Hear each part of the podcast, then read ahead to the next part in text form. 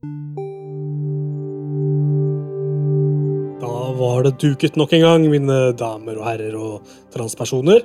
Uh, her sitter vi tre edle herremenn, Team Audenstad, meg sjøl, Tommy Myhrvold og Thomas Maridowski, som skal sammen geleide deg da gjennom dataspillene og ja, film og TV og alt som vi elsker, sant hva? Absolutt. absolutt. Ja, ja. Og det har jo vært litt nå siden sist. Det har vært en Developer Direct, som er et sånn derre Ja, vi la oss stikke innom de ulike studioene, da vel. Så det, det er liksom ikke bare trailer og nyheter. Jeg skal liksom bli litt kjent med studioene. Og sjøl syns jeg det er en hyggelig form, altså. Det er, det er liksom gjerne det, det formatet som Xbox har starta med i fjor, da. Hvor de gjerne ikke nødvendigvis uh, annonserer nye ting, men mer sånn Her er et spill vi allerede har annonsert, og nå skal, du, skal dere se liksom litt mer av ja, de som lager det, og hva de Det er selvfølgelig gjennomrehearsa, det òg. Det er liksom ikke noe usensurert eller ufiltrert. Det er jo en PR-greie, det også. Men, men det er i hvert fall litt annet, annet konsept enn de en sånne vanlige sånn E3-ish eh, sånne directs som eh, gjerne kommer litt seinere på året. Og det er jo gjerne det er gjerne, Da er det trailer på trailer, og jeg får litt overload av de der E3-ukene Altså den, den E3-uka, når det er så mange toppolerte trailere som egentlig høres veldig likt ut, alt sammen, med samme Mm. oppbygning i dramaturgien, så blir jeg litt sånn uh, sliten. Jeg liker egentlig den formen de har nå. Eh, Tommy, uh, var det noe du savna? Var det noe du savna? Jeg savna Jeff Keeley. Er det sant? Det er jo lett å glemme, da, men eh, så kan hun fort savne òg. Nei, men en fyr som liksom binder det hele sammen. Uh, nei, jeg, jeg kødder. Uh, men uh, Nei, jeg savna noe, savna noe. Ja, jeg savna selvfølgelig noen spill, men Ja, ja, det gjorde vi alle. Men ja, formen Jeg kan godt like formen. Selv om det er som Thomas sier, det er litt sånn Ja, dette her, hør, hør, her har vi noen salgspitcher til dere Ja, ja. Det er jo på noen spill vi jobber med, og litt varierende hvor flinke disse folka er til å lese fra teleprompteren, liksom. mm. Men øh, jeg syns det er kjempekult jeg, med sånne smådrypp. Var det, det Ja. var fem spill de var innom denne gangen, var det ikke det? Jo, Ja. stemmer. Bite size, øh, men en times tid, liksom. Fint, det. Mm. Mm. Det er liksom grei, grei eh, ettermiddag eh, eller kveld eh, på, i, i januar, hvor det liksom ellers ikke kanskje skjedde så mye nyhetsmessig. Mm. Nei, jeg sy- syns det har vært litt stille om dagen. Det er ikke så veldig mye shakes and breaks. Det har vært en del av sånne layoffs, det har det vært. Eh, Så Twitch eh, droppa jo 300, eller hvor mange det var, forrige uke, og denne uka her så er det vel noen som dropper 500. Så det er jo det ryker Riot, eh, Riot, Riot. Games har jo sparka masse folk nå. Ja. 500 stykker. Så det er jo voldsomt til blodbad da i bransjen. Fy faen, hvordan er det i andre bransjer, da? Har vi fått med oss noe om det, eller veit vi noe om det? Hvilken bransje sa du? Alle andre bransjer? Ja, men, ja, men, men, men hvis du tenker på Hvis du tenker på spillbransjen som en del av den større teknologiverden, så er jo det en stor sammenheng. Mm. Eh, det er jo det som er litt sånn interessant med spillbusinessen, er at det har jo en fot i, i kultur og og kreativitet, men det har også en fot i teknologiverden. Mm. Det er jo veldig knytta til flere verdener. Og, og det har jo vært et blodbad i den større teknologiverden, eh, også over lang tid, eh, tross alt. Det sparkes jo tusener på tusener eh, hele tida. Mm. Eh, så det, det er kanskje den biten der som, eh, som henger litt sammen med, med spillbransjen også. Jeg leser på TechCrunch at i 2023 så gikk det tapt altså 240 000 jobber i tech-industrien i USA alene. Mm. Og da er det Google, Amazon og Microsoft og Facebook, da, Meta, som det heter, og Yahoo og Zoom, som er uh, selskapet hvor folk har måttet gå i, i hopetall. Og Twitch er jo også et tech-selskap, ikke sant? Uh, og Twitter, som nå heter X, hadde jo også massiv leos. Sorry, hvor mange sa du? 240 000. I fjor? Ja. Fy faen, det er heftig! Ja, det er ville greier. Det er ville greier. Alle de ble vi ansatt under covid, og fikk eh, promptly fyk igjen eh, to år etter, tre år etter, fire år etter. Ja. Jeg skal, jeg skal ikke gå inn på analyse av det. Vi får gå tilbake Nei. til Developer Direct, tror jeg. altså. Eh, Det, er jo, det var jo noen spill der som vi eh, skal gjennom. Og vi starta på toppen, vi, med Obsidian Entertainment, som viste fram Avowed. Og det her har vi et førsteversjons fantasy-RPG, da. Hmm. Med moral og gråsoner og etikk og moral, altså. Og jeg syns jo det så ganske fint ut, men jeg ble liksom ikke fengsla sjøl. Ble dere fengsla, eller? Nei, jeg ble, litt sånn egentlig mer nysgjerrig, fordi jeg vet jo at Obsidian er jo dyktige folk som eh, De kan liksom eh, RPG-er, og de kan eh, liksom questlines og dialog og sånn. Så jeg, jeg tror det kommer til å levere på den biten der. Jeg tror det kommer til å bli liksom god RPG-ing med med sikkert mye, med mye litt sånn eh, den moralske biten, det funker jo aldri med gråsoner og dialogvalg og sånn. Det blir jo alt Altså, jeg har sett ett spill som har faktisk levert eh, sånn meningsfylt eh, sånn moralsk frihet. Eh, så så det, det er jo alltid bare et valg du tar, og så koker det ned til en annen eh, ending til slutt. Men eh, det får så være. Jeg syns uansett, liksom, så lenge det er gode RPG-systemer og kule skills å bygge på, og, og, og liksom kul exploration, så, så er jeg fornøyd, altså. Jeg syns verden så pen ut. En sånn kul og fargerik verden. Jeg syns uh, kampene var ganske stive. Syns det er liksom litt sånn eh, dårlig, dårlig respons på disse monstrene. Det var liksom eh, Det føltes ikke som de ga ordentlig feedback etter å bli angrepet og slått. Eh, så det kan bli forhåpentligvis bedre. Eller ikke. Vi får se. Nei, det, det vil jeg bare stille meg bak, fordi det var min første, min første tanke. Var bare, for det første, da, jeg syns ikke det er så stas å spille førsteperson. Jeg gjør ikke det. Men når de så viser så stocky combat som det de viste Mm, mm. der, så bare Hva faen, det her ser så kjedelig ut. Men vi får se hvor det blir. Ja. Det jeg er, syns litt synd på Obsidian, er at de skal gi ut en, eh, en sånn ordentlig klassisk RPG etter Boulders Gate 3. Som Ja, bare det er litt- totalt litt sånn- Ja, og overskygget eh, der. Ja. Ja. Nei, det, det er nok ødelagt for mange sånne vestlige RPG-utviklere. Du må Mm. liksom eh, nå et nytt nivå. Ikke at jeg har spilt Boulders Gate, fordi jeg tror for meg så er det litt for RPG, RPG-ete eh, igjen. Så jeg jo Jeg ønsker for så vidt velkommen uh, spill som ikke er så fryktelig dype nødvendigvis, men som fortsatt gir den gode RPG-følelsen. Ja. Men jeg ser, jeg ser at det, det har blitt satt til ny standard. Ja, det tror jeg, og det tror jeg alle som liksom er veldig, veldig glad i hardcore RPG-er, eh, er veldig klar over. Eh, Men, eh, men dette var en av de titlene som du har vært litt nysgjerrig på i år, er det ikke det, Thomas? Jo, jeg har hatt det på, på min nysgjer nysgjerrigliste. Mm. Så jeg er fortsatt nysgjerrig. Ja, du er fortsatt nysgjerrig. Ja. Bra. Jeg eh, kjølna litt, må jeg innrømme. Tenker du, Tim? Jeg, jeg kjøler litt sjøl, altså. Eh, Men eh, det kommer på GamePass uh, seinere i år, så det er jo bare Mm. å sjekke det ut. da. Sånn. Absolutt. absolutt. Eh, det blir bra. Eh, og så var det Senua's Saga, Hellblade 2. eh, kommer i mai Ja. på Xbox eh, Series og på PC. Og er jo da selvfølgelig oppfølging til eh, forrige spill. Og det har dere, dere to har vel spilt til begge to, kanskje? Jeg, jeg har ikke spilt eneren, altså. Jeg testa det. Jeg veit at Thomas eh, elsker det. Eh, jeg testa det og gadd ikke. Eh, jeg spilte det ganske rett etter God of War Ragnarok. Og det traff meg ikke i det hele tatt, egentlig. Nei, jeg, jeg skal faktisk ikke si at jeg elsker det. Jeg syns det var bare et godt spill. Um, Som jeg syns var Ja, det, var, det, det hadde en del sider som jeg ikke følte så, så sterkt for. Men, uh, men jeg syns sånn all over så, så var det et, uh, et fint uh, tredjepersons action adventure med litt puzzles og veldig mye stemning. Mm. Jeg har jo, har jo snakket om det egentlig flere ganger på denne podkasten, og kanskje Ja. andre også.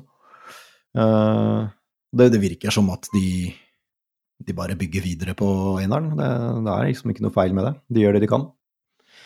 Ja, det var ikke meninga å legge ord i munnen på deg der, men eh, det ble jo veldig godt tatt imot.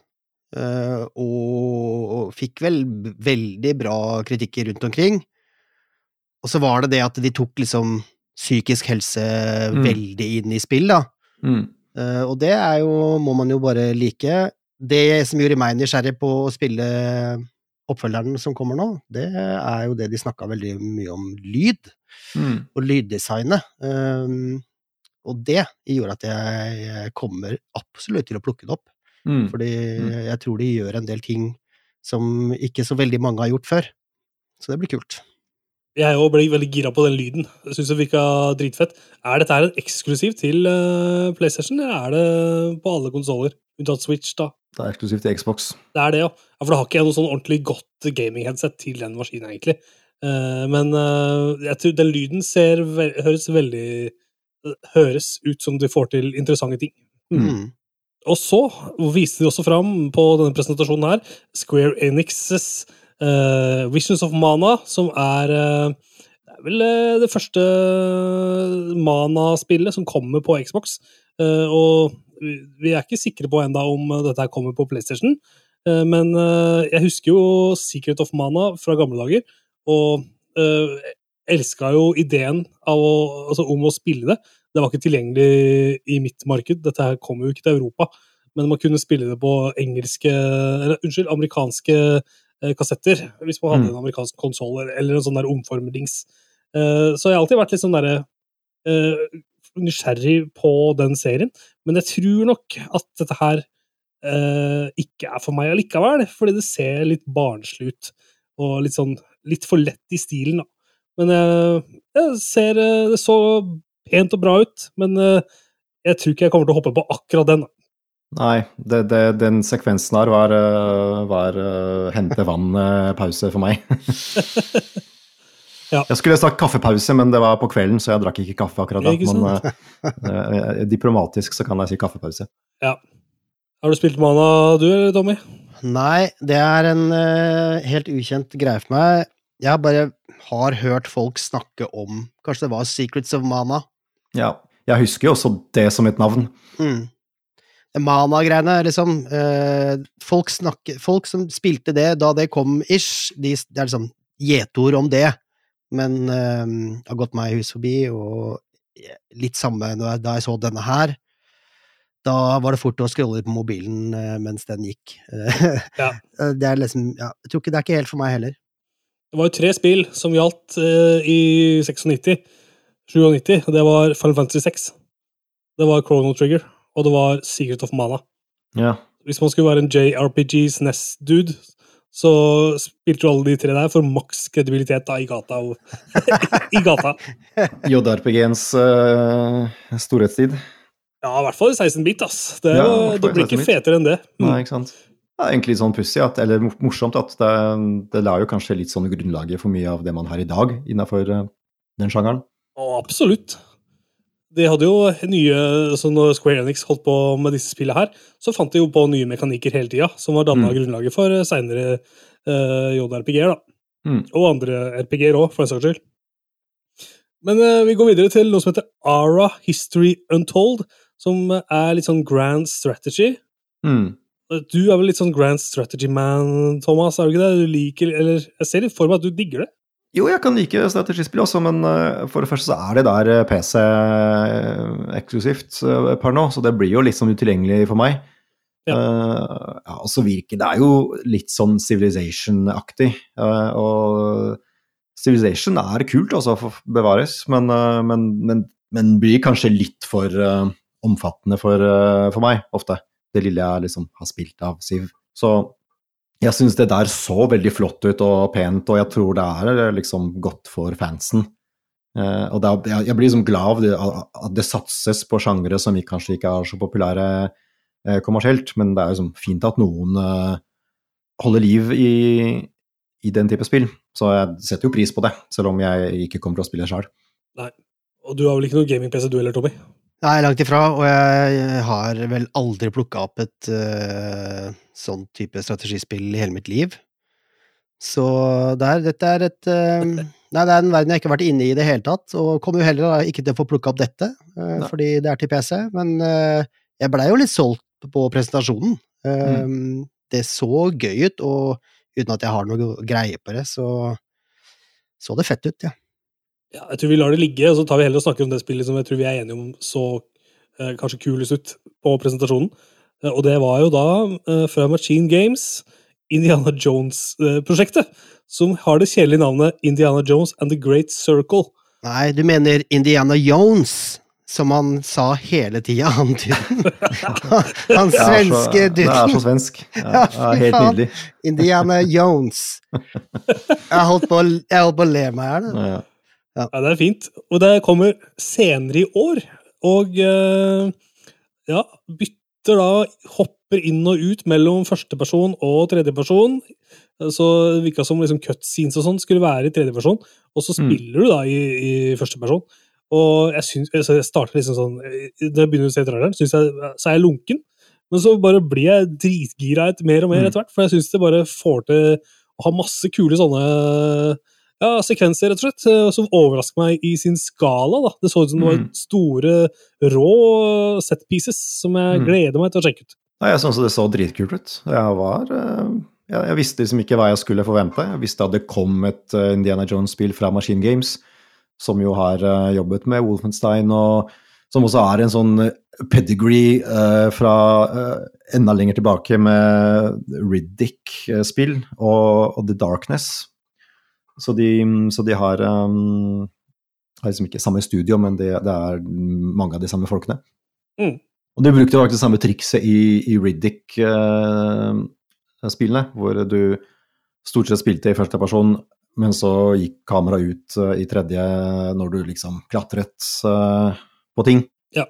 Eh, men nei, det er bare Indiana Jones virker som et jævlig kult eventyr, rett og slett. Fargerikt og humoristisk eh, med indies eh, skjerm og raske replikker.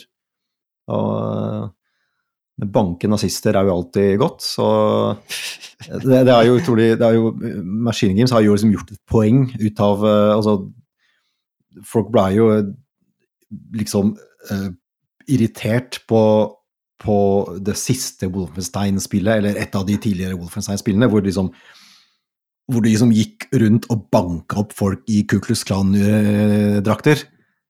Ja, for det var vel Wolfenstein 2, var det ikke det, som kom i den, i den rebooten som var? Ja, nettopp. Uh, og, og det var liksom høyresiden i USA, altså folk, uh, nynazister eller høyrevridde folk, da, som bare ja, 'Dette er ikke greit', ikke sant. Og Maskinen bare dabla down på det. bare Selvfølgelig er det alltid greit å banke nazister. Ja. Uh, og de var jo sånn 'There is no both sides', og det var liksom skikkelig fuck you. Ja, ja, de kjørte så hardt på den, eh, på den greia der. Og så gjør de det igjen, ikke sant. Da skal de liksom banke nazister som indie. Det er dritbra. Og han har jo litt eh, Det er jo litt sånn i spillet òg, at han uh, kicker assen til nazisten også. Nei, unnskyld, i Ja, ja. filmene. I Ja, filmene. absolutt. Det er jo foregår, altså Flere av de filmene er jo på den, på den tiden, og han, eh, han liker å banke dem. Så det, det er veldig fint at det blir eh, videreført uh, i det korrekte formatet, hvor du kan gjøre sjøl. Nazistene og Indiana, Indiana Jones har en felles interesse. Og det er sånne gamle artifacts og Mm. symbolikk og alt det der. Så der møtes de to. Ja. Men de skilles på alt det andre. Ja, Helt riktig. Det jeg syntes var litt sånn tricky, var at eh, jeg hadde liksom håpa du skulle få Harrison Ford til å stemmelegge eh, Indiana Jones etter spillet, men eh, det, det får vi ikke. Nei. Vi får Troy Barker i stedet. Vi får Troy Baker i stedet, ass, Baker, og det, ja. han er jo en av verdens aller, aller, aller beste på, på det, men eh, ja, klart. Det er jo en ganske ung indie, så Men hvis de hadde brukt noe AI-verktøy, liksom, og liksom jobba litt med det der, så kunne de ha klart å få til en liksom, ung Harrison Ford-stemme. Det er jeg helt overbevist om, altså. Garantert. Jeg tror det hadde vært vanskelig å fått uh, 80 år gamle Harrison Ford til å sitte i studio og spille inn uh, i dagevis eh, sikkert, og spille inn uh, voiceovers. Uh, jeg tror det hadde vært en tough, uh, tough sell. Jeg tror jeg, Eller for å si det på en annen måte, jeg syns at Harrison Ford burde lisensiere ut stemma si eh, til eh, kreative industrier. sånn at de kan gjøre akkurat det som Tommy foreslår. At eh, man kan bruke den, altså AI-fisere den og gjøre den yngre, og, og sånn at Harrison Ford kan leve videre da, i uh, nye uh, Indiana Jones-ting som kommer etter at han er borte, eller har rett og slett pensjonert seg. Og når han blir borte, så kan pengene gå til hans estate. da. Og det, vi er ikke så langt unna det her i dag. Og da kan vi også lage Han Solo-spill og Blade Runner-spill og Ja, ja, ja. Ja, og, og, og selvfølgelig kan vi endelig få um, jaget uh, The Fugitive-spillet som vi har venta på i alle år, uh, med, med Harrison Ford voiceover. Og Tommy Lee Jones, da. Da må jo han være med òg. Ja, ja, ja. Nei, men jeg bare håper ikke Altså, um, jeg holdt på å si håper ikke Harrison Ford uh, dør, det gjør han jo til slutt, men uh, han har jo faktisk ikke uh, bidratt med sin stemme i det spillet. Fordi det brakte tankene mine tilbake til Gudfaren-spillet, uh, som kom på 2000-tallet, hvor, hvor de fikk veldig gamle Marlon Brando til å spille inn stemme. Og det var liksom Det blei det, ble det siste han gjorde før han døde. Så Fett. litt sånn dårlig stil.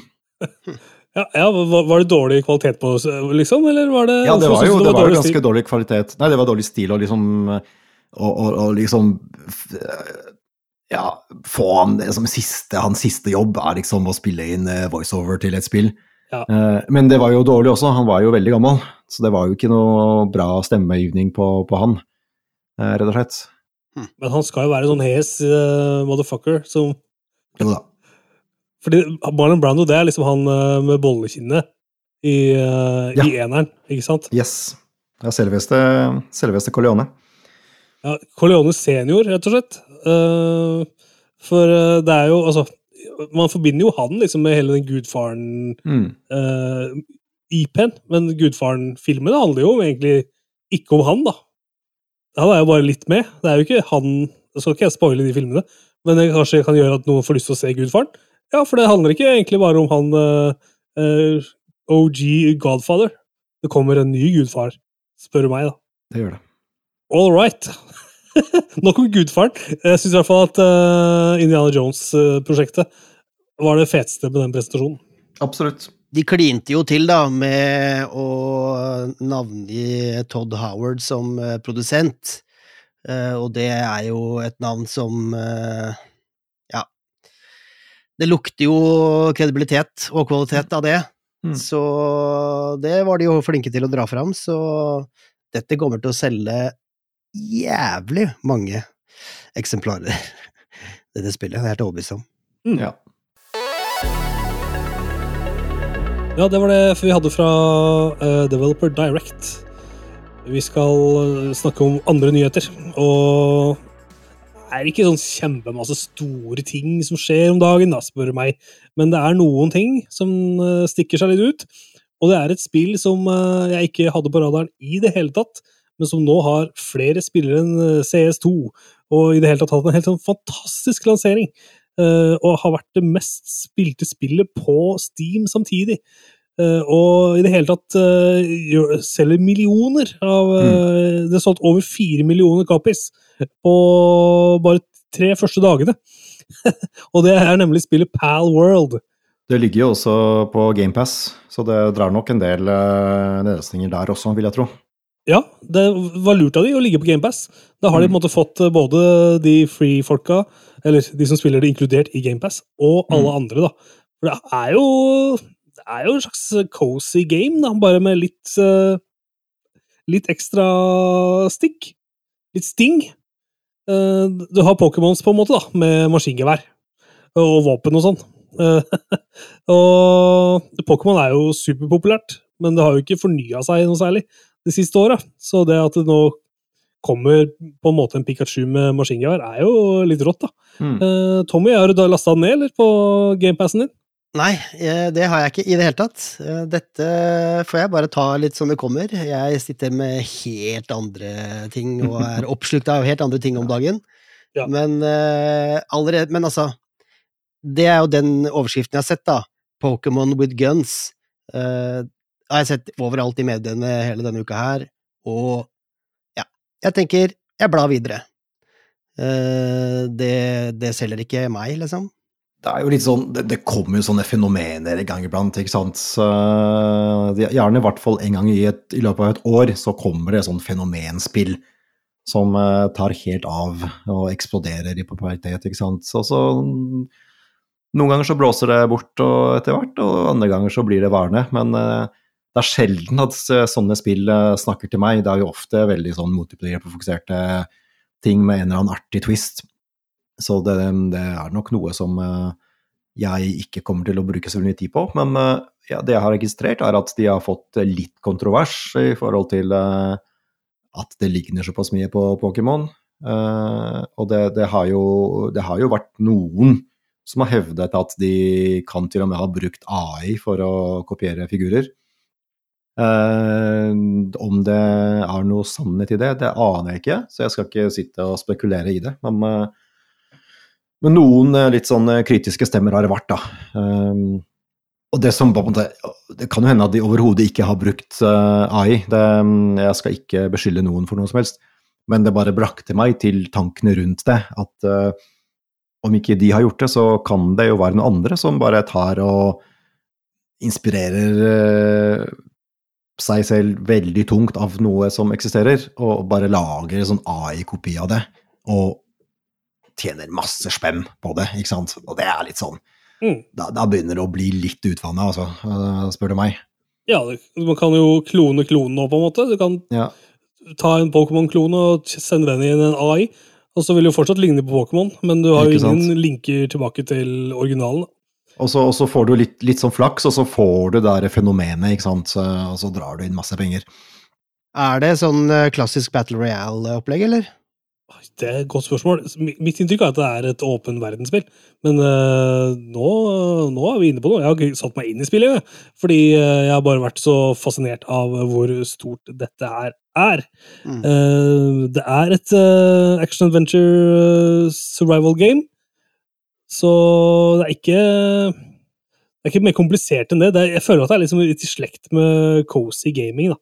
Bare Mm. med våpen og, og så videre. Så kan du bygge baser. ikke sant? Du fanger sånne pals med baller, da. Altså basically po pokeballs, liksom. Ja, tydelig. Mm. Og så putter, du kan også fange andre liksom, sånne folk, MPC-er og sånn, inni ballene. og da kan du bygge base og reise rundt på de og slåss med de og sånn. Så kan du sende ut en stor pal for å ta en annen pal. da. Mm. Det er jo Pokémon. Mm. Det bygde bygd i Unreal Engine 5, så det har jo øh, mulighet til å ha ganske fet grafikk. Nok Palworld, tror jeg, altså. Eh, Vi kommer, til vi kommer aldri til å spille noen av oss. Men det er fascinerende hvordan fenomener oppstår, syns jeg. Du, men apropos fenomener. Det var jo slik at eh, Nintendo ville kjøre noen livekonserter med musikk fra Legend of Zelda og Splatoon, som skulle være en del av et Nintendo Live-arrangement. Men så valgte jo Nintendo da etter hvert å avlyse arrangementet pga. sikkerhetsbekymringer. Altså rett og slett trusler mot ansatte og besøkende. Eh, Men eh, de ga seg ikke, så nå kommer det eh, noen YouTube-konserter, rett og slett. Så det er en Legend of Zelda Orchestra-konsert 9. februar. Og dagen etter så er det en Splatoon 3 Deep Cut-konsert, som slippes dagen etter. Med orkestrert musikk fra begge de to spillene.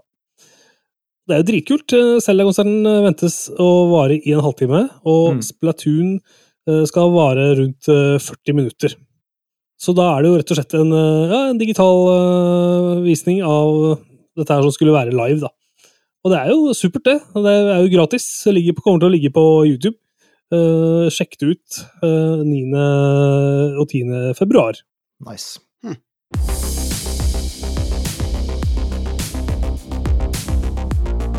Hei du, det er Tim her fra Reboot. Eh, kjapt innpå, midt i episoden, at vi sier tusen takk eh, til alle som eh, laster ned, og du som hører på nå spesielt. Eh, og vi prøver jo da å ha noen kvalifiserte meninger hver uke, og ber jo ikke om noe tilbake, sånn sett. Det eneste vi har bruk for, og som vi ber om, er litt drahjelp, og det er jo da i form av en stjernerating på Spotify, eller en anmeldelse på Apple Podcasts. Det er veldig hjelpsomt rett og slett, når du øh, gjør det, for det gir oss litt, litt bedre synlighet og litt flere lyttere. Og da er det litt lettere for oss å komme i kontakt med utviklere og utgivere og øh, folk som driver med film og i det hele tatt være i miljøet. Det gjør livet vårt litt enklere. Så tusen takk til alle som hører på. Eh, det setter vi veldig stor pris på. Og med det så tror jeg vi fortsetter ukas episode av podkasten.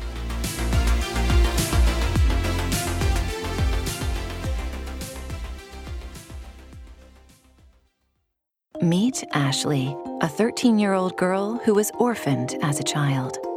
One day, she receives a letter from her father, who she believed to be dead. Ashley heads to the solitary Blood Edward Island, where her father is said to be waiting.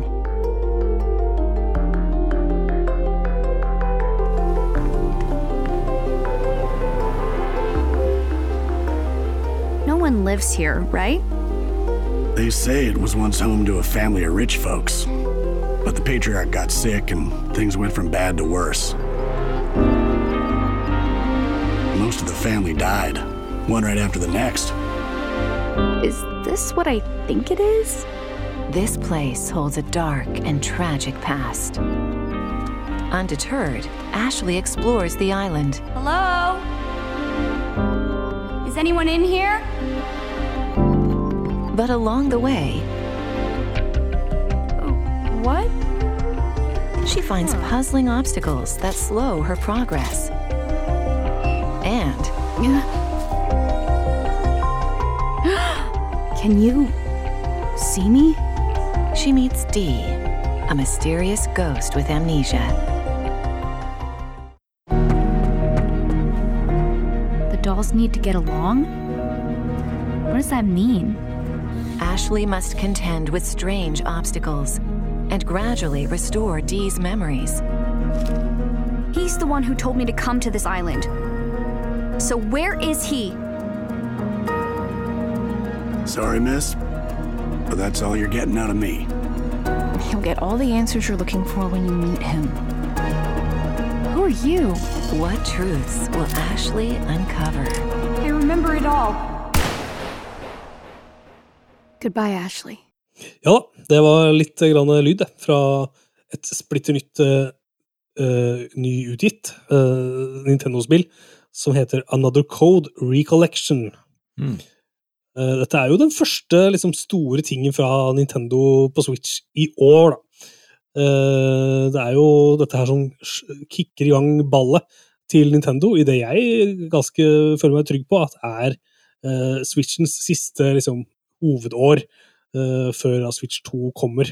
Og nå Mm. skal de gi ut masse ting som de har hatt liksom, litt liggende på hylla. eh, klare for å skvise ut eh, eh, det siste av konsollen, og da gjør de det med dette her. Og det her er ikke et spill som krever så masse ytelse av konsollen eller noen ting. Det er rett og slett uh, pek og klikk-spill. Ja. Og det er to pek og klikk-spill uh, som opprinnelig kom på DS.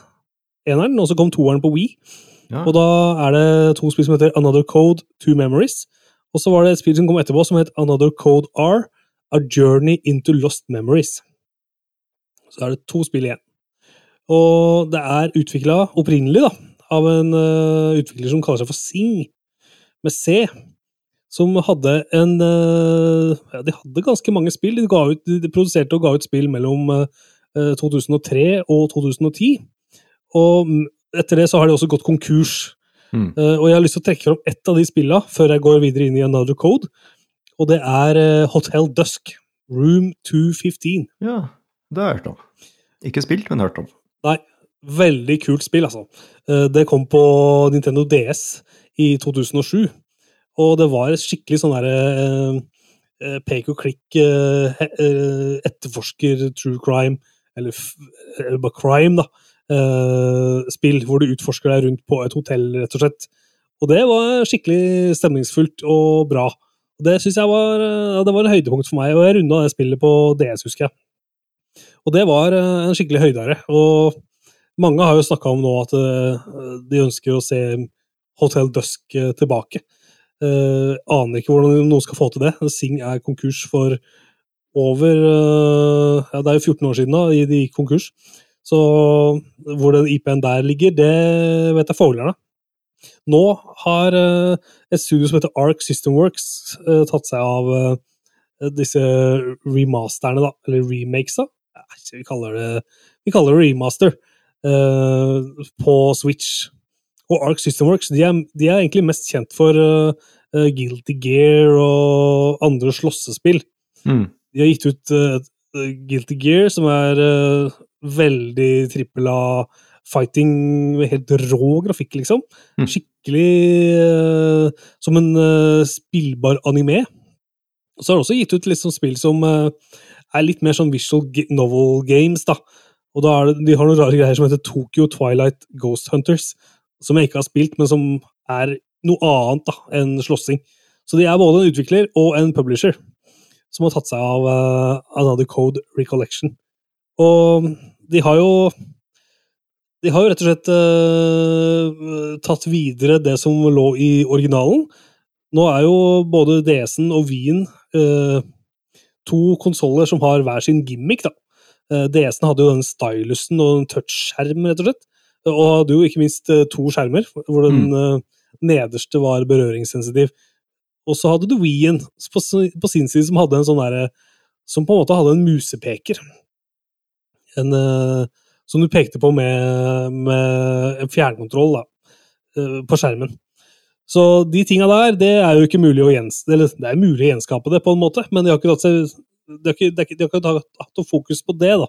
Det er, eh, det er døde mekanikker som vi ikke har eh, Vi opplever ikke det i disse spillene her Nei. i det hele tatt. Du kan spille det på TV-en uh, med en vanlig pro-kontroller.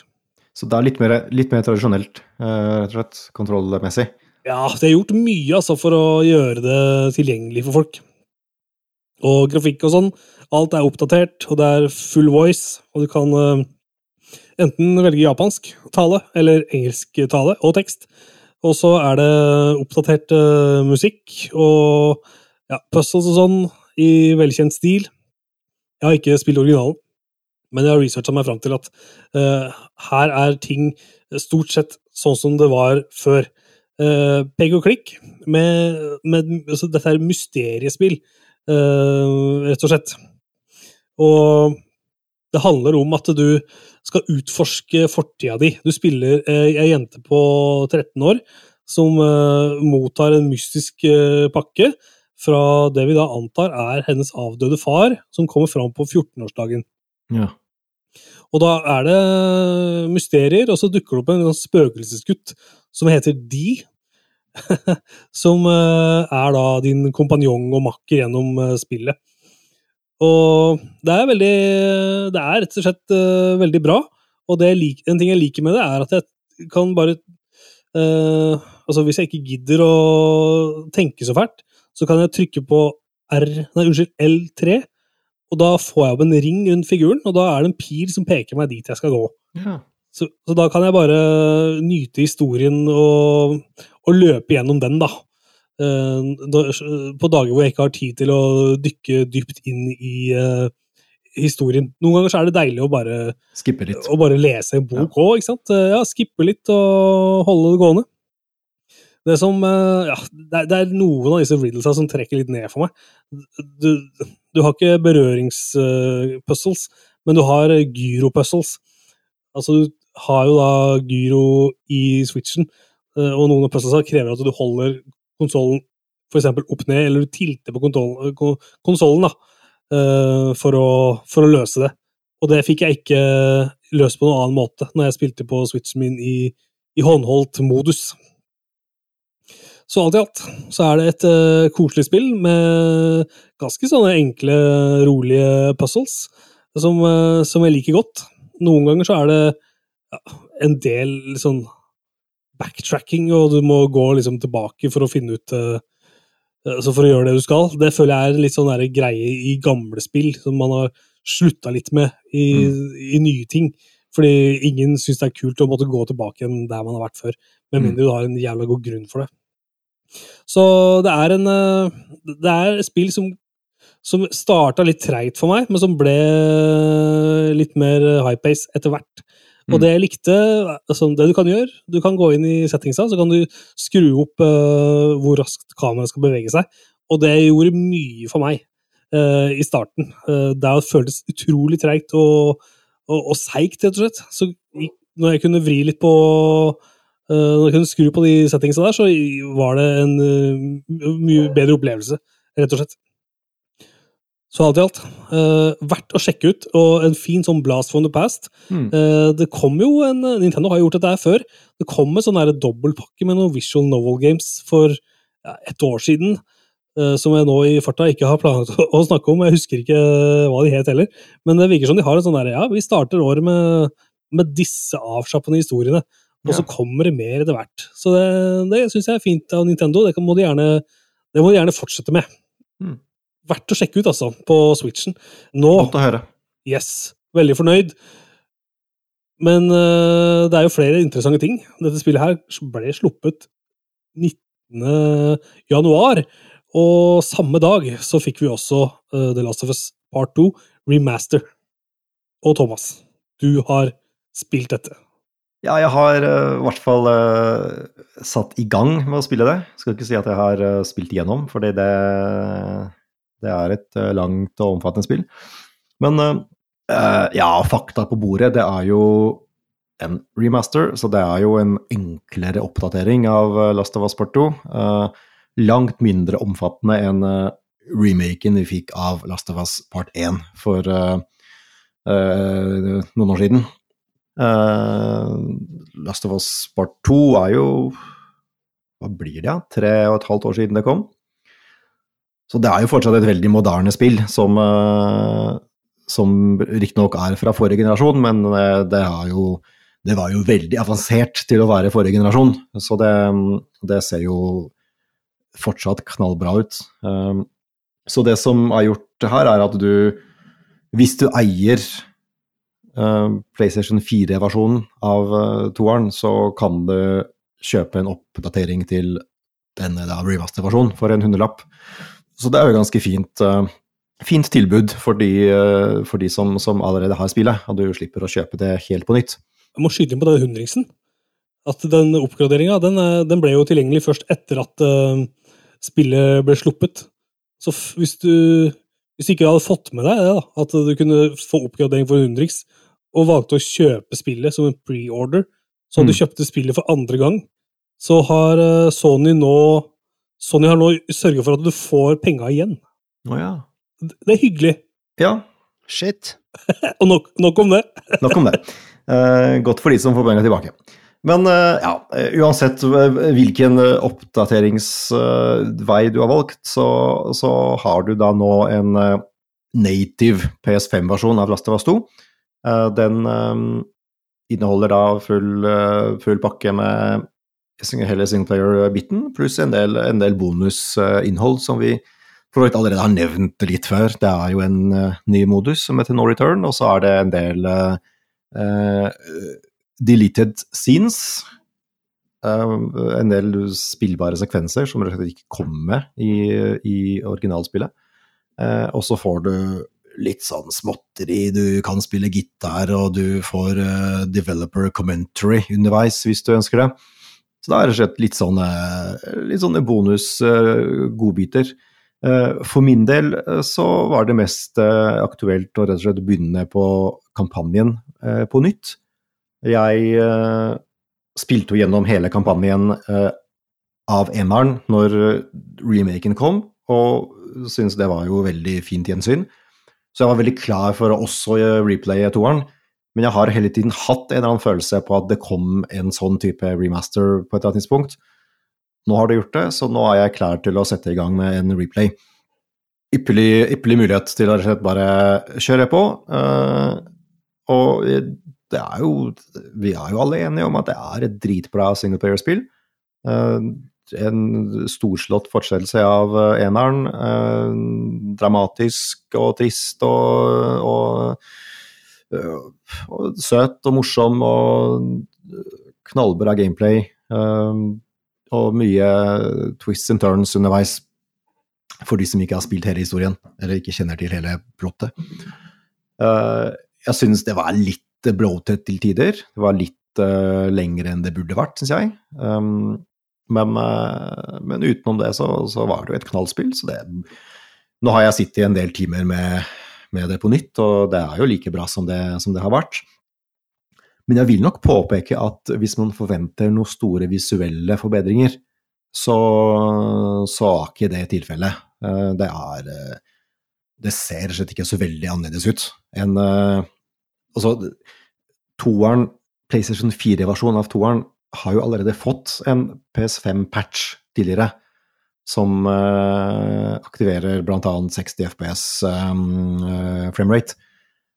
Så det har allerede vært en, en liksom oppgradering, hvis man har hatt det på PS5. Uh, og det som skjer nå, er at du får egentlig i tillegg bare en 4K-modus, uh, som da blir begrensa til 30 FPS. Men, eh, men, ellers så er det jo litt sånn tweaks.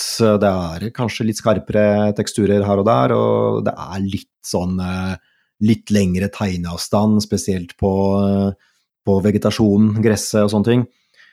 sikkert litt bedre skygger, sikkert litt bedre lys, lyseffekter, men alt i alt så, så er det ikke noe stor forskjell, altså. bare sånn at man vet det. Men det ser fortsatt veldig bra ut. Så det er jo fortsatt et veldig, veldig pent og detaljert spill. Og det er jo det Naughty Dog er så gode på. Det er jo detaljnivået og, og det å få verden til å føles uh, levende ut. Selv om uh, det er en veldig død verden. Men uh, det der lived in-følelsen, den er fortsatt veldig til stede. det som skuffer meg litt, er at jeg merka at det er en del bugs, altså. Det, det, er sånn Man skulle tro at å, Naughty Dog er så perfeksjonister og det er så polert og sånn, men eh, jeg var borti flere litt sånn derre litt sånn animasjoner som har låst seg litt, og, og så plutselig så får du ikke helt uh, retta kamera, og så Ellie blir som sittende fast i en vegg, så du må liksom rive henne vekk. Hun klistrer seg sånn fast i ting. Og det har jeg faktisk merka flere ganger. Så det, um, det er no, noen småbugs som jeg har uh, registrert. Så det, det, er greit å vite, rett og slett. Kanskje passe på, passe på å save ofte. Ja, jeg har også satt meg fast en gang, faktisk. Eh, mm, mm. Det var sånn softlock, kom meg ikke videre. Jeg måtte restarte spillet. Yes. Uh, og det er, eh, er, påfallende med en så stor tittel. Mm. Men, uh, men, ellers, uh, i hvert fall for kampanjedelen, har ikke spilt de nye modusene, så det kan dere sikkert si noen ord om. Noen ord om men men glimrende, altså best, det er jo beste versjonen av spillet, så skal du replaye kampanjen, så er tiden nå. Ja, Vi har jo testa No Return lite grann, eh, i hvert fall jeg. Jeg tror du og Tommy har vært innom det siden sist. Stemmer det. Men, eh, og jeg gikk rett dit da jeg buta opp uh, denne nye versjonen. Og jeg synes, og det var en Da fikk jeg en på trynet, gitt. For mm. det var mye vanskeligere enn jeg hadde sett for meg. Men jeg var nok litt utålmodig òg. Jeg rusha inn og hadde lyst til å bare drepe i vei. Mm, og spilte det feil, da, ikke sant. Hvilken vanskelighetsgrad eh, starta du på? På den medium. Ja, den som er default? Ja. Det er jo sinnssykt mange grader, da. Eller er det ikke sånn syv-åtte grader eller noe? Det er sånn helt vilt. Det var ekstremt. Og den uh, moderate som han starter på, det er nummer tre av den letteste, liksom. Mm, ja. Så her kan man kose seg. Men uh, for meg, for min del, da, jeg har fått litt sånn fot for uh, sånn survival-type ting. Som jeg Ja, det er det som er greia, da. Det kom en, en DLC til The Division i gamle dager som het Survival. Så for meg så er sånn rogelikes nå, det er bare, det heter bare Survival, fordi ja, det ja. spilte jeg så jævlig i hjel. Og det spilte det faktisk nå i januar en runde igjen, bare for, fordi det, det er så hyggelig gjensyn. Så jeg er veldig, blitt veldig glad i sånne rogelikes. Fordi det er jo bare sånn for, for å pirke litt, da, for det finnes jo en egen sjanger også som er survival-spill, uh, som jo ikke er sånn gjentagende, men hvor du faktisk uh, skal liksom scavenge ressurser og sånn state of decay-type uh, ting, da. Ja. Så, så, det er på en måte bare sånn Får ikke blande, men jeg skjønner hva du mener. Ja da, jeg bare får den samme vibben. Ja. Her er det selvfølgelig dette er mye mer enn rogelike, fordi du tar med deg noen ting videre. Du mm. oppgraderer til låser opp ting som du kan ha med deg, men grad, bare veldig gradvis, da. Uh, du dauer, så starter du på nytt, liksom. Og mm. jeg har jo testa det bare et par timer nå, og det For meg er det bare den nye modusen aleine verdt de 100 spennene det kosta Mm. å, å kjøpe den PlayStation 5-versjonen. Ja, det er jeg så enig i. Det kommer jeg til å spille i hjel. Tror- Det Mm. ser jeg for meg, ass. Mm. Jeg liker det allerede kjempegodt. Greia med det er at du, starter karakteren din på et bestemt sted, på en måte. En setting som du har vært innom i spillet sin story. Og så, når du tar x antall waves med fiender, så blir du sendt tilbake igjen til eh, basen, og så må du ut igjen. Så da øh, har du hele tida en ny rute, og så har du ulike karakterer som du kan unlocke, og sånn, som har ulike styrker og svakheter. Ja, og så er ikke runda, de er aldri like. Eh, for det er forskjellige typer altså det, det er De veldig korte sånne skirmishes, da. Eh, du har i hvert fall en tre, fire, fem forskjellige spilltyper for hver liksom encounter. Um, fikk jeg i hvert fall så vidt med meg. Men de er ganske korte. Og så skal du klare så og så mange av de til du kommer til en boss, da, og da har du klart på en måte en, en run-through. Ja. Um, og, men jeg syns de var Tidvis syns jeg de var sånn litt for korte. Jeg liker jo å ta meg god tid, sant? Mm. Men, eh, men eh, det er veldig Altså, jeg tror det første spillet jeg spilte som var Rogalag, som traff meg skikkelig, det var Hades. Og det er veldig samme tanke bak, liksom. Men her får du ikke power-upsa med deg når du dør. Her har du ingen power-ups med deg når du dør. Nei, men du får med deg visse ting eh, når du dør her også. Å Det er bare en litt annen Og så unlocker du eh, nye spill, eh, nye figurer å spille med, eller nye karakterer å spille med. Ja. Så du drar med deg litt her. Det er ikke løst akkurat likt, selvfølgelig, men det er nøyaktig samme blueprint, på en måte. Mm. Men dette er, foregår selvfølgelig i nydelig eh, tredjepersons 3D. Ja, ja, ja, det har jo den samme graf grafikken som ellers i spillet. Mm. Så jeg er helt enig med deg. Jeg syns det er verdt den hundriksen aleine, da. Og så syns jeg det er jo andre ting òg som følger med, som du var inne på, Thomas. Uh, sånn behind the scenes-content og deleted scenes og commentary og sånn. Uh, jeg, jeg så på én sånn der deleted scene, spilte meg gjennom, som var sånn Mm. skikkelig grov, grov grafikk. eh, det var ikke ferdig animert, og Mm, det var ikke, mm. det var ikke voice acting og sånn. Men det var dritkult allikevel. Jeg fikk liksom en Mm. ja, utvida bilde av det, det universet som spillet foregår i. Da. Ja, så det er ikke gjort, det er ikke ferdig. Det her er bare sånn, vi, vi slutta å jobbe med det på dette tidspunktet, og det er det de har lagt med denne gangen? Ja, rett og slett. ja, jeg trodde de hadde gjort det ferdig, men det har de ikke, altså. Nei da. Ah, Så det er, eh, det er så bra som det blir. En interessant. slags director's cut, rett og slett. Ja. Og det er liksom det, det kiler geeken i meg å få kikke på uh, den delen av prosessen nå. Syns det er dødskult, rett og slett. Så jeg er helt enig med deg, Thomas. Det er den beste måten å spille det spillet på. Det er nå. det er det. Og spill det nå, Mm. Før det er for seint. før det forsvinner. Som alt annet digitalt innhold vi konsumerer. Hva? Uh, du, nå er vi jo uh, Begynner å dra seg til. Vi skal uh, eh, runde av, men med våre helt til slutt-spalte. Hvor vi anbefaler ting som vi har sett eller hørt eller lest, eller i det hele tatt. Og jeg starter ballet i dag. Sett i gang. Og jeg om en, eh, skal snakke om en 25 år gammel serie. Som jeg har sett eh, sikkert sju ganger back to back. Og da snakker jeg selvfølgelig om Sopranos. Mm. Alle veit hva Sopranos er. Eh, og har du ikke sett Sopranos, så må du bare få gjort det. Det er for meg mitt opus TV-serie. Det, er, det er en så, så dritkul serie, syns jeg, med så masse fete karakterer. Det er litt kleint å se hvis du ikke har sett det før, men jeg vil anbefale det. For nå som det har gått så lang tid, så er ikke Man merker godt at teknologien var på et annet sted. Mm. Uh, og det er kult, syns jeg. Det er jo sånn det er. Visse Visst innhold som er eh, et produkt av sin tid, men allikevel eh, tidløs. Ja. Her er det det, føles ikke utdatert i det, nesten i det hele tatt, samtidig som det er eh, litt sånn gammelt. Det er sant. Og jeg tror det er noen ting som man kan kjenne seg igjen i som moderne mediekonsument. Da. Det, er Mm. noen, det er noen scener der mot slutten av serien hvor uh, Tony jr. sitter og ser på Han sitter og chatter med kompisene sine og ler og koser seg foran eh, PC-en, mens uh, faren hans står i døra bak han og kikker på han mens han ikke veit det.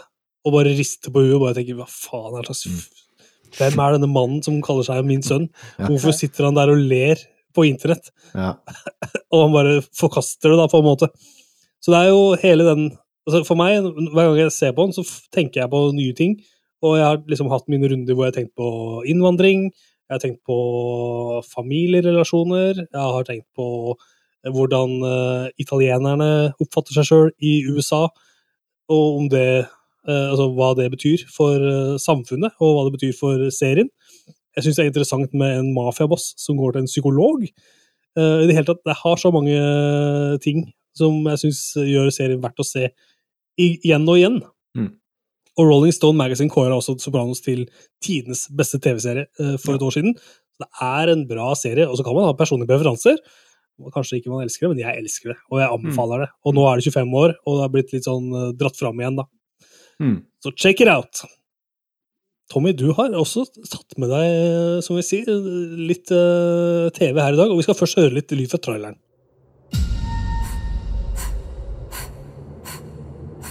Some people come to Alaska to escape, get away from something. Sometimes they come here looking for something. Sometimes they find it. I'm working on this case. These men disappeared 48 hours ago. It was the last sunset before the long night. Theory is they went out to watch it. It was a weather event. No, I'm treating this like a murder case.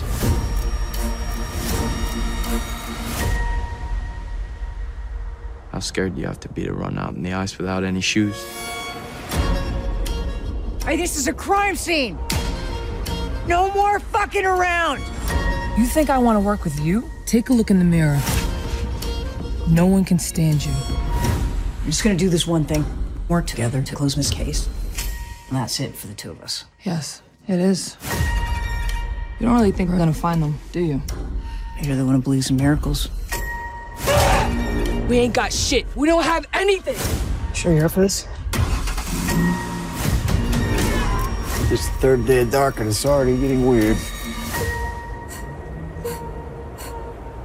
This is Ennis. Some questions just don't have answers. The night country. It takes us one by one. It's crazy the shit we survive.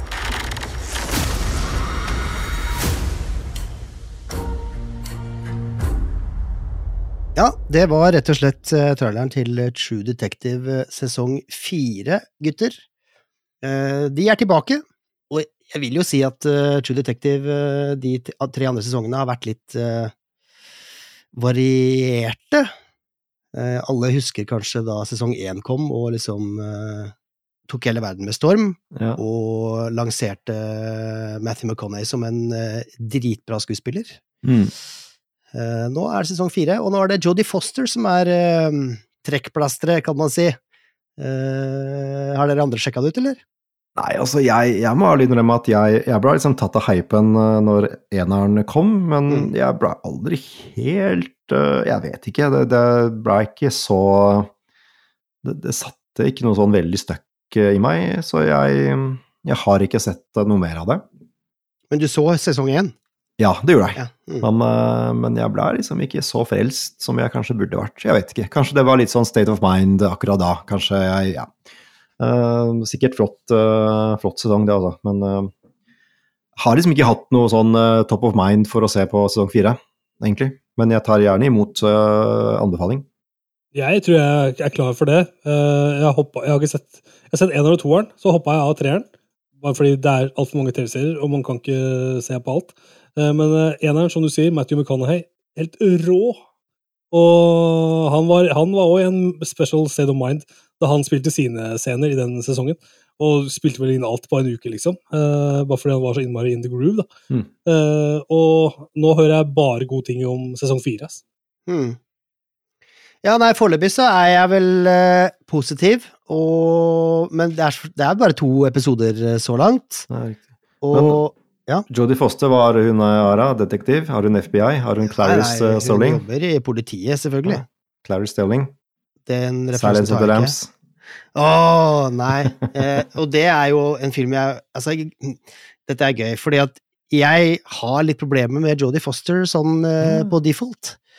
Hun har aldri liksom klart å overbevise meg om at hun er så bra som alle vil at hun Eller alle sier hun er. Mm. Så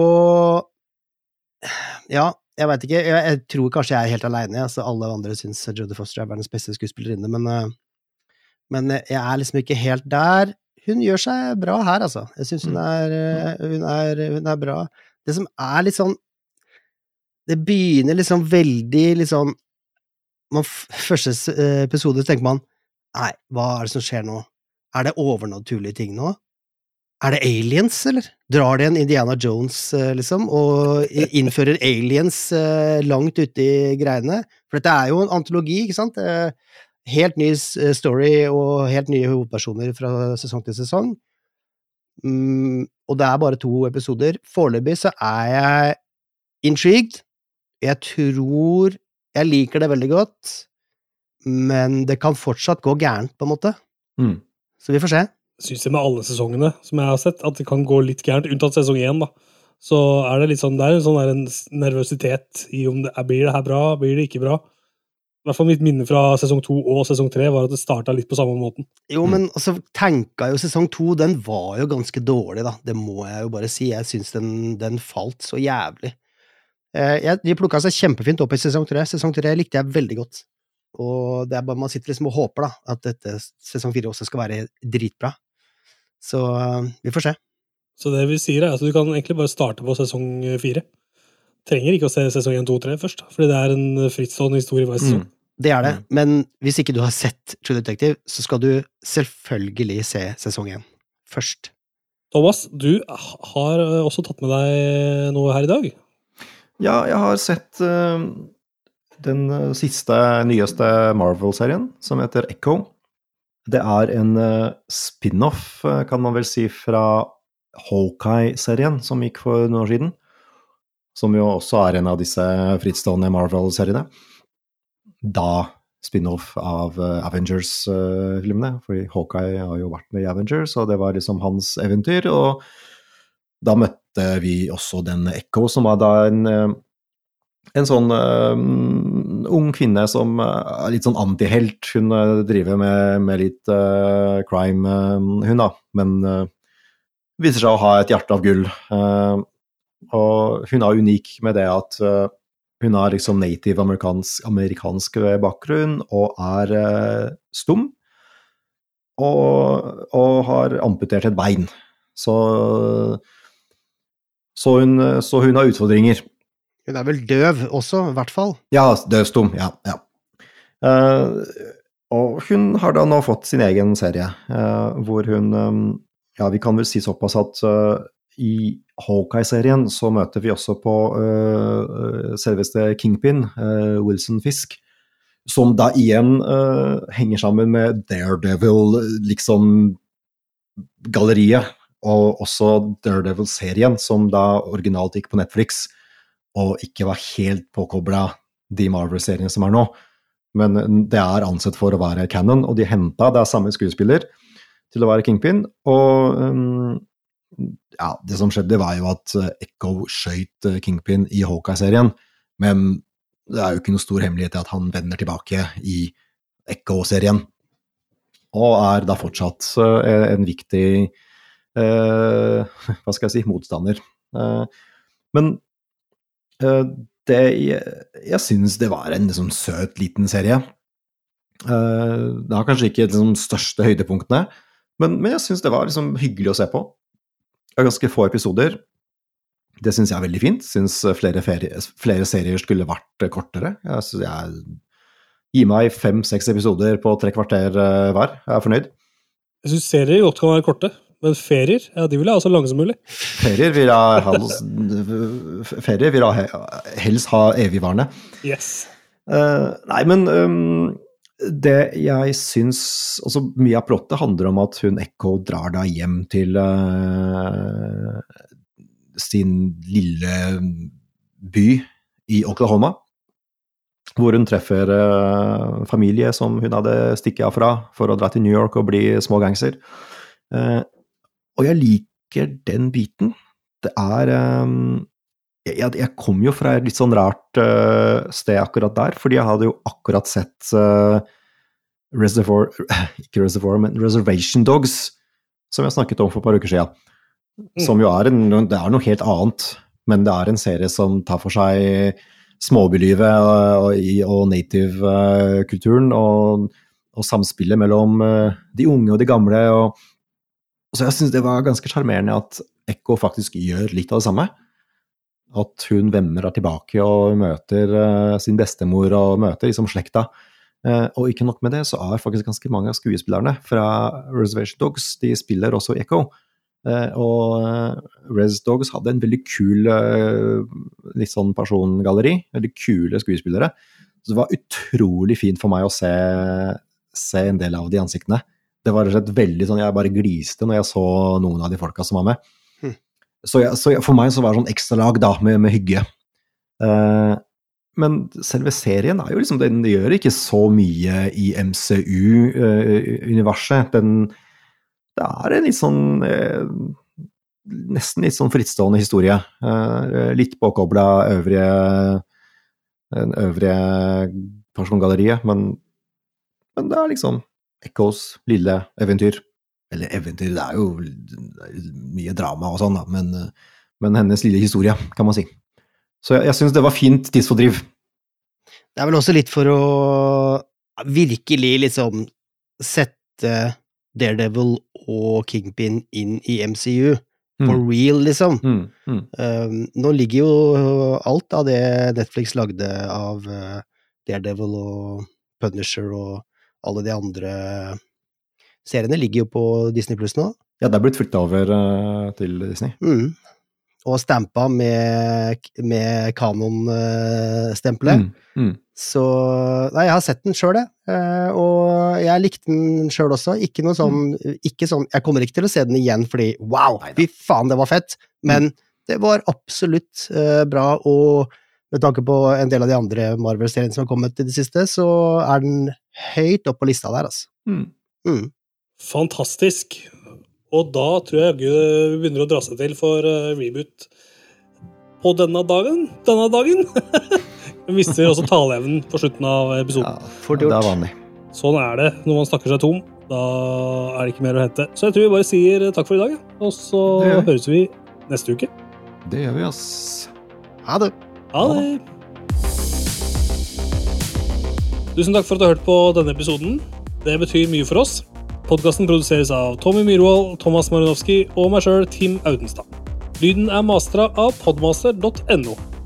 Vi slipper en ny episode hver fredag, med mindre det er helt spesielle tilstander på gang. Hør alle episoder og kom i kontakt med oss på rebootpodkast.no. Du finner oss også på Instagram ved å søke på Reboot.